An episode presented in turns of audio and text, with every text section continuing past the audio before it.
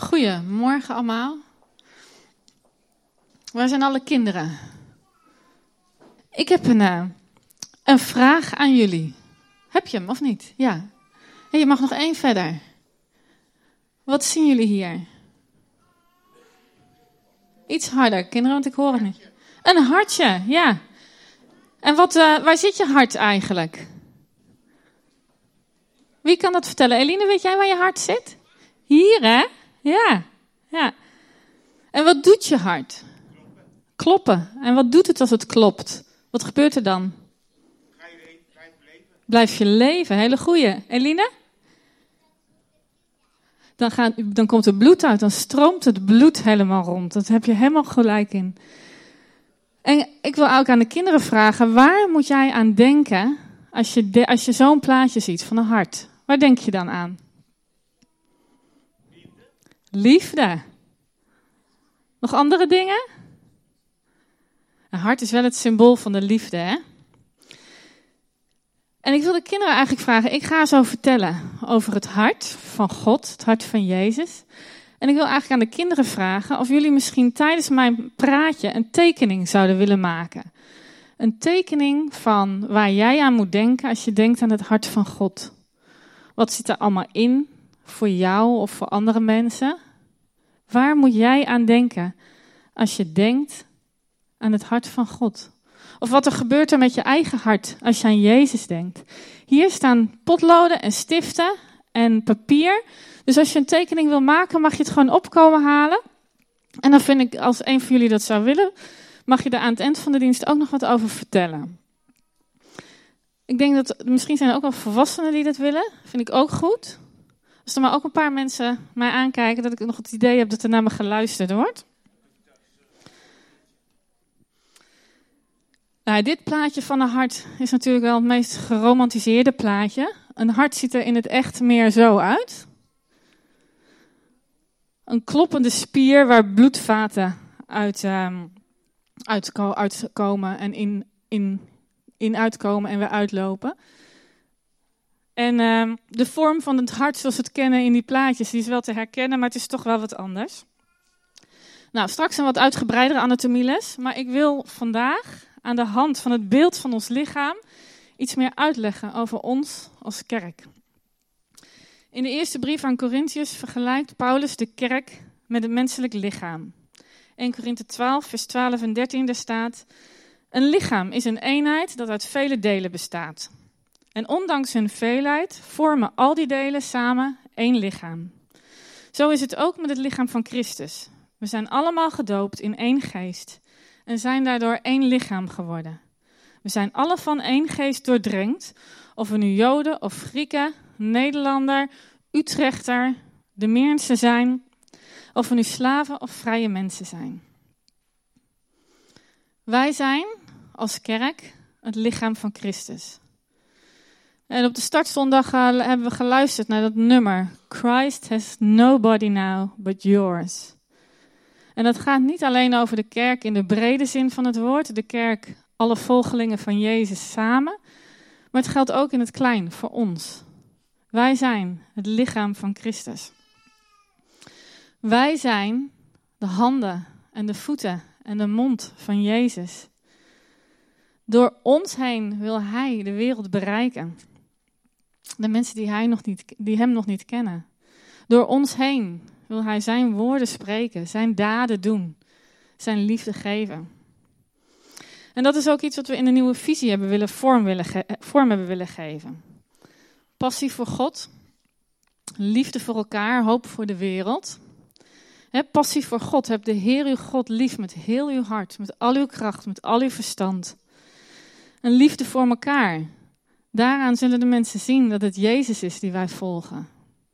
Een hoop voor de wereld, Jezus Christus, de hoop in ons, die, uh, die we uit mogen delen aan de wereld om ons heen.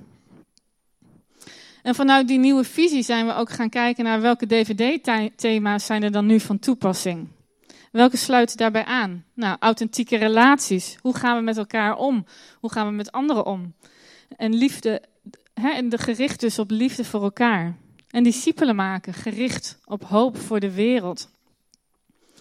En ik wil vandaag die visie, wat meer inzoomen op die visie vanuit 1 Korinthe 12.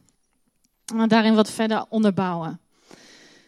Want in het proces van het vormen van die nieuwe visie hebben we bij elkaar gezeten als LT meerdere malen met het CT. En toen hebben we erover gesproken, over gedacht en over gebeden. En ergens, we kwamen uit bij deze visie. En ergens riep het ook alweer wat vragen op. dat het allemaal begint met passie voor God, daar kun je je nog wel wat bij voorstellen. Maar dan, liefde voor elkaar en hoop voor de wereld. Zit daar een volgorde in? Eerst liefde en dan hoop naar de wereld brengen?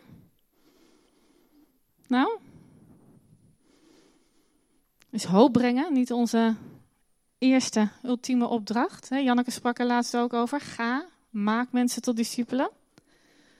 Dus hoe zit dat? Hoe moeten we daar dan eigenlijk naar kijken? Eén lichaam, zegt Paulus. En terwijl we op die ene avond met het coördinatieteam bij elkaar waren, het onderwerp was eigenlijk een beetje afgesloten, viel bij mij opeens het kwartje.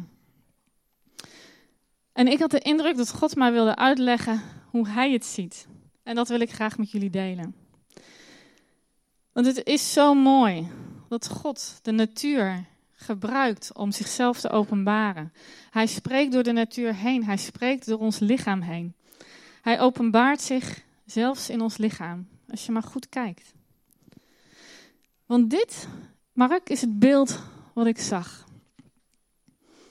Kan iemand mij vertellen, behalve de artsen en verpleegkundigen en anders medisch onderlegde mensen hier, wat we hier zien?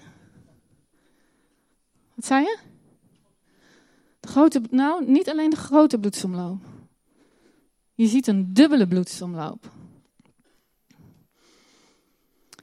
Wat je ziet is de bloedsomloop, bloedsomloop van de mens. En het gaat eigenlijk als volgt. Zuurstofarm bloed stroomt het hart in. Vanuit het hart wordt het naar de longen gepompt. In de longen vult het zich met zuurstof. En vol zuurstof gaat het terug naar het hart. Vanuit het hart wordt het verder gepompt het lichaam in. Naar de organen, naar de ledematen. En daar levert het de zuurstof weer af. Onderweg gaat het ook langs je magen, langs je darmen, langs allerlei interne organen. Daar haalt het ook voedingsstoffen op. En uiteindelijk is het dus, heeft het dus zijn zuurstof afgegeven en gaat het weer terug naar het hart. En is het ondertussen dus weer zuurstofarm bloed geworden. En is het klaar om de cirkel nog een keer te gaan. Om zich weer te laten vullen met zuurstof. Om weer naar het hart terug te keren. Om weer naar het lichaam te gaan. Een cyclus die 80 keer, 70, 80 keer per minuut gaat. Een continue stroom van het hart naar de longen, naar het hart, naar het lichaam, naar het hart, naar de longen. En iedere hartslag pompt je hart het bloed rond. En met iedere hartslag zet het dus twee stromen in beweging. De stroom naar je longen en de stroom naar je lichaam. Eén hartslag, twee stroomrichtingen. Wat is nou, denk je, de meest essentiële van deze twee bloedstromen? Iemand een idee?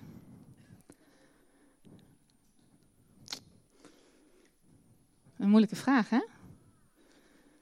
Wat zou er gebeuren als de, hart, de, de pompfunctie naar de longen niet meer functioneert? Geen zuurstof meer. Kan een lichaam functioneren zonder, zonder zuurstof? Volgens mij zei Paul net, het net al dan ga je dood. Maar als, het, als de zuurstof, zuurstofstroom naar het lichaam stopt, wat gebeurt er dan? Een lichaam kan niet functioneren zonder zuurstof, dus dan gaat het ook dood. Je kunt deze bloedsomloop, deze dubbele bloedsomloop, je kunt het niet los van elkaar zien. Het is één geheel. Eén hartslag, twee stroomrichtingen. En wat is dan het centrum? de spil van die bloedsomloop? Moeilijke vraag, hè? Waar begint en eindigt het? Het hart. Ja, het hart is het centrum van deze, deze bloedsomloop. Het hart zet de bloed, bloedstroom in beweging. En omdat het hart dus zo'n ontzettende belangrijke functie heeft in je lijf, zit het goed verborgen achter je ribbenkast. Beschermd door je ribben, het zit daar veilig. En daar zegt Paulus ook wat over in 1 Korinthe 12, vers 24. God heeft ons lichaam zo samengesteld dat de delen die het nodig hebben ook zorgvuldiger behandeld worden, zodat het lichaam niet zijn samenhang verliest, maar dat alle delen elkaar met dezelfde zorg omringen. Dus verschillende delen van ons lichaam hebben verschillende zorg nodig, met als doel dat het zijn samenhang niet verliest. Dus twee bloedsomlopen die allebei hun functie hebben en het lichaam functioneert niet als één van beide niet stroomt. En het maakt niet uit welke. Nou, hoe heeft dit dan betrekking op onze visie? Passie voor God, liefde voor elkaar, hoop voor de wereld.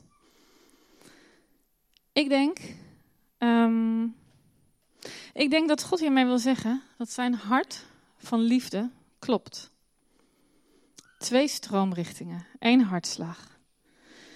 Bij de presentatie uh, van het, op het gemeenteweekend van deze visie maakte Bram deze tekeningen. Tekenen is niet zijn grootste talent. Maar ik hoop dat je het herkent. God is liefde, dat beeldt het hart uit. En zijn liefde wordt zichtbaar in de dood en de opstanding van Jezus. Het feit dat hij Jezus gegeven heeft. En dus Jezus, zijn dood en zijn opstanding zetten wij in het centrum van ons bestaan, van ons samen zijn. Hij is de reden dat wij samenkomen. Jezus is het centrum van onze kerk. Zijn hart, zijn liefde als centrum van de gemeente. En als wij als lichaam functioneren en Gods hart weerspiegelen, dan weerspiegelen wij dat hart in zijn geheel. Met die dubbele bloedsomloop. Eigenlijk als volgt. Passie voor God, liefde voor elkaar en hoop voor de wereld. Eén stroom die blijft gaan, die continu beweegt, met twee stroomrichtingen. Eén geheel. Nou, we hebben net gehoord, hè, een hart symboliseert liefde. Passie voor God, het hart. Onze passie voor God is wat ons hart doet kloppen. Onze passie voor God is wat de bloedsomloop in gang zet.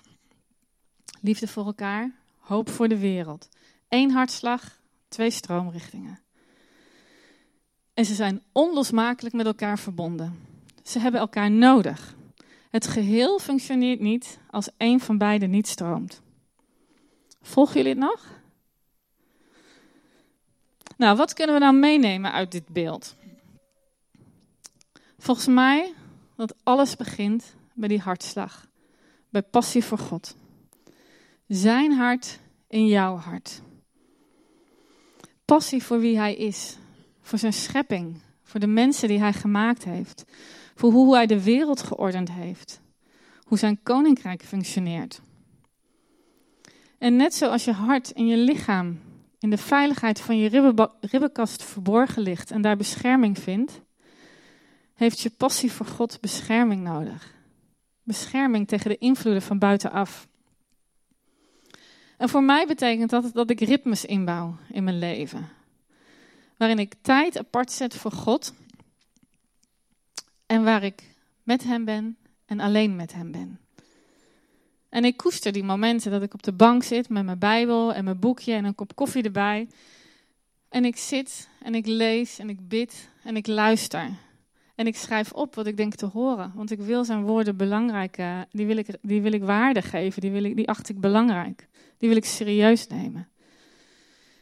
En ik doe dat niet altijd omdat ik er zin in heb, niet altijd omdat het goed voelt, maar omdat ik mijn hart apart wil zetten en mijn passie en mijn relatie met Hem wil beschermen en wil koesteren. En door tijd met Hem door te brengen, wordt mijn hartslag als het ware krachtiger. He, zoals een sporthart krachtiger gaat kloppen, sterker wordt, wordt mijn hart, mijn passie voor God sterker als ik tijd met Hem doorbreng. En dan kan het krachtiger en vrijer kloppen. Bescherm je relatie met God. Dat is waar het levende water uit opborrelt. Het tweede wat je mee kan nemen uit dit beeld, uit deze metafoor, is dat liefde voor elkaar en hoop voor de wereld voortkomen uit één en hetzelfde hart, het hart van de Vader. In de relaties die we met elkaar hebben, de liefde die we voor elkaar hebben, vinden we ademruimte. Het Hebreeuwse woord voor adem is ruach. En ruach betekent ook geest. De naam van de Heilige Geest. In onze onderlinge relaties, in het samen zijn, mag je op adem komen. Mag je ademhalen. Mag je de geest inademen, binnenademen. Hier mag je ontvangen wat je nodig hebt. Zodat je je lichaam weer in beweging kan zetten om daarna uit te delen. Hier leren we, ontdekken we. Hier laten we ons voeden. Hier bemoedigen we elkaar, steunen we elkaar, helpen we elkaar overeind als we gestruikeld zijn. Wijzen we elkaar de weg als we het even niet meer zien. Door gesprek, door gebed, door er gewoon bij elkaar te zijn en te luisteren naar wat God wil zeggen. En dat is waarom die authentieke relaties onderling zo belangrijk zijn. Dit is de plek waar je mag komen om te ontvangen. God is hier aanwezig. Zijn hart klopt. En hier is adem, ruach. En samen als broers en zussen bij elkaar maken we God groot. En in Efeze 3 staat dat alleen samen kunnen wij echt ontdekken hoe groot, hoe breed en hoe diep de liefde van Jezus is. Er zit kracht in het samen zijn. En dus is dit, het hier zijn, voor mij ook een deel van het ritme wat ik inbouw in mijn leven. Om mijn passie voor God te beschermen. En zo stroomt het bloed gevuld met zuurstof weer terug naar het hart. Passie voor God. Vol met zuurstof. Vol met de Heilige Geest. En vanuit het hart stroomt het naar mijn lichaam. Naar mijn handen, om de handen van Jezus te zijn. Naar mijn voeten, om te gaan waar Hij wil dat ik ga, waar Hij zou willen zijn. Naar mijn mond, om woorden van liefde en van leven te spreken. En wat wel gaaf is, als je dan weer even de vergelijking maakt met het menselijk lichaam. Het hart, vanuit het hart stroomt het dus ook, naar, wat ik net zei, naar de maag, naar de darmen, om voedingsstoffen op te halen in de stroom om zuurstof af te leveren, haalt het bloed ook voedingsstoffen uit je lijf. Het bloed stroomt om te geven, maar het ontvangt ook. En zo werkt het ook in het lichaam van Christus. In het geven ontvang je zo ontzettend veel. Ontdek je steeds meer wie God is. Krijg je steeds meer zicht op wie Hij is. Wat de impact is van zijn dood, van de dood en de opstanding van Jezus krijg je, ontvang je liefde voor elkaar. Ik zelf word altijd zo ontzettend gezegend als ik bid met andere mensen, omdat ik dan een andere kant van God leer kennen die ik anders niet zou, zou ontdekken. Dat is waarom Jezus zegt dat het beter is om te geven dan te ontvangen.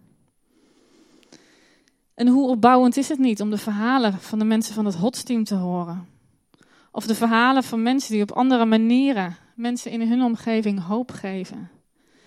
Ik heb van de week ook weer zulke bijzondere verhalen gehoord over mensen die op verschillende manieren, op verschillende plekken handen en voeten geven aan de liefde van Jezus en hoop brengen in hun directe omgeving. En ik ben daar dan zo van onder de indruk. En het bemoedigt mij. En ik vind het dan zo gaaf, omdat ik deel ben van datzelfde lichaam. En dat zij weer op zo'n andere manier dan ik, met andere gaven en andere talenten, hoop brengen. Mensen van de liefde van Jezus vertellen. En Jezus laten zien aan de mensen om hen heen. En mijn gaven en talenten liggen misschien ergens anders. Maar samen zijn wij het lichaam van Christus. En waar ik de ander zegen, brengt dat vreugde voor het hele lichaam. Paulus zei, we zijn één lichaam, verschillende delen. En in 1 Korinthe 12, vers 26 zegt hij: Wanneer één lichaamdeel, lichaamsdeel pijn lijdt, lijden de anderen mee. En wanneer één lichaamsdeel met respect behandeld wordt, delen alle anderen in de vreugde. Dus, er, dus het lichaam, je zegent het hele lichaam. Als je mensen zegent die hoop brengen, die liefde geven. Dus, in het, dus we delen uit en we ontvangen dingen die ons opbouwen. En daarom is het zo gaaf om elkaar onze verhalen te vertellen over wat we doen en wat we meemaken met God, met de mensen om ons heen. Het bouwt ons op. Ieder persoonlijk, maar ook het geheel, het lichaam. Zo belangrijk om elkaar te zegenen, ook in die dingen die voor jou misschien een soort van ver van je bed zijn. Het is zo belangrijk om elkaar te zegenen, waar een ander de handen en de voeten van Jezus is. In 1 Korinthe 12, vers 4 tot 6. Er zijn verschillende gaven, maar er is één geest. Er zijn verschillende dienende taken, maar er is één Heer. Er zijn verschillende uitingen van bijzondere kracht, maar het is één God die ze allemaal en bij iedereen teweeg brengt. Eén geest, één Heer, één God, één lichaam. Wij zijn samen het lichaam van Christus, zijn handen, zijn voeten, zijn stem. Wij zijn een groot aantal losse delen die samen één geheel vormen. En het is aan ons om dat lichaam zorg te verlenen, zodat het lichaam zijn samenhang niet verliest.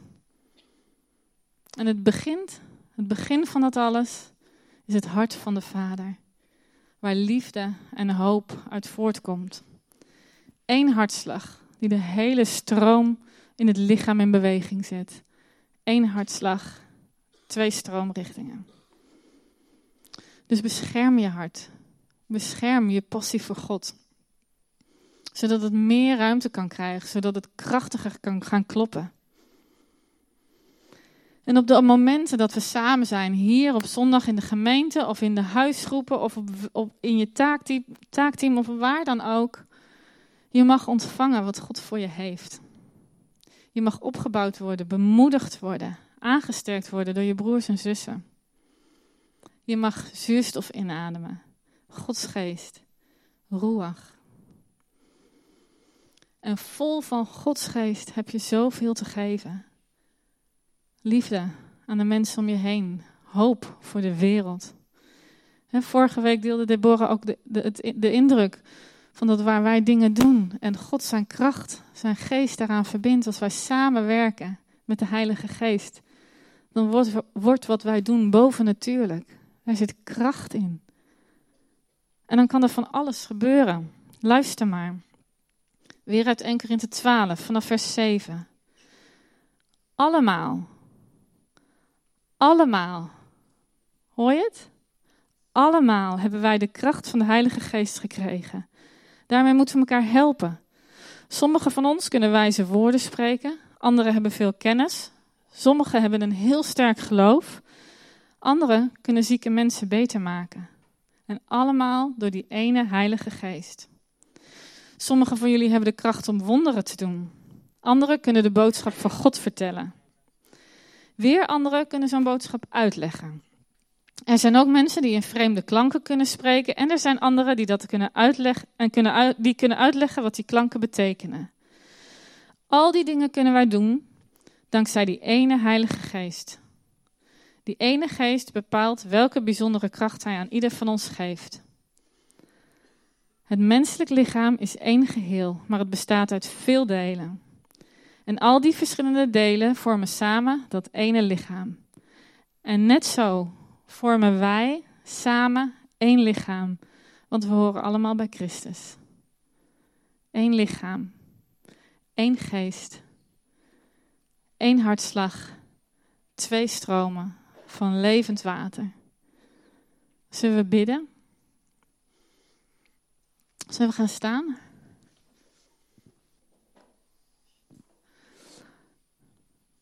Heilige Geest. Ruach, waai in ons midden. Blaas uw adem over ons uit.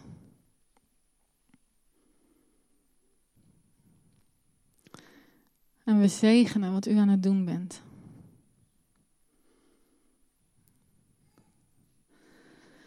En ik zegen jullie. Ik zegen jullie hart met passie. Vader, wakker het vuur aan wat u in deze mensen heeft gelegd, in ons hebt gelegd, in deze gemeente heeft gelegd. En ik zegen jullie om in de liefde voor elkaar te ontvangen wat je nodig hebt. Van je hemelse Vader en van elkaar. Ik zegen je om liefde te ontvangen en om het weer uit te delen. Ik zegen je om hoop te brengen in deze wereld. Om hoop te brengen in de levens van de mensen om je heen. Of je dat doet door uh, in persoonlijke situaties van mensen te zijn, door te helpen, te luisteren, gewoon er te zijn. En ik zegen je als je iemand bent die hoop brengt in situaties van onrecht. Of wanneer je opkomt voor mensen die dat niet zelf kunnen. En ik zegen jullie met het hart van de Vader, dat krachtig klopt dat het een stroom in jou in beweging zal zetten. Steeds meer en steeds krachtiger. Met liefde voor je broers en zussen, de mensen om je heen. Om hoop te brengen. In Jezus' naam.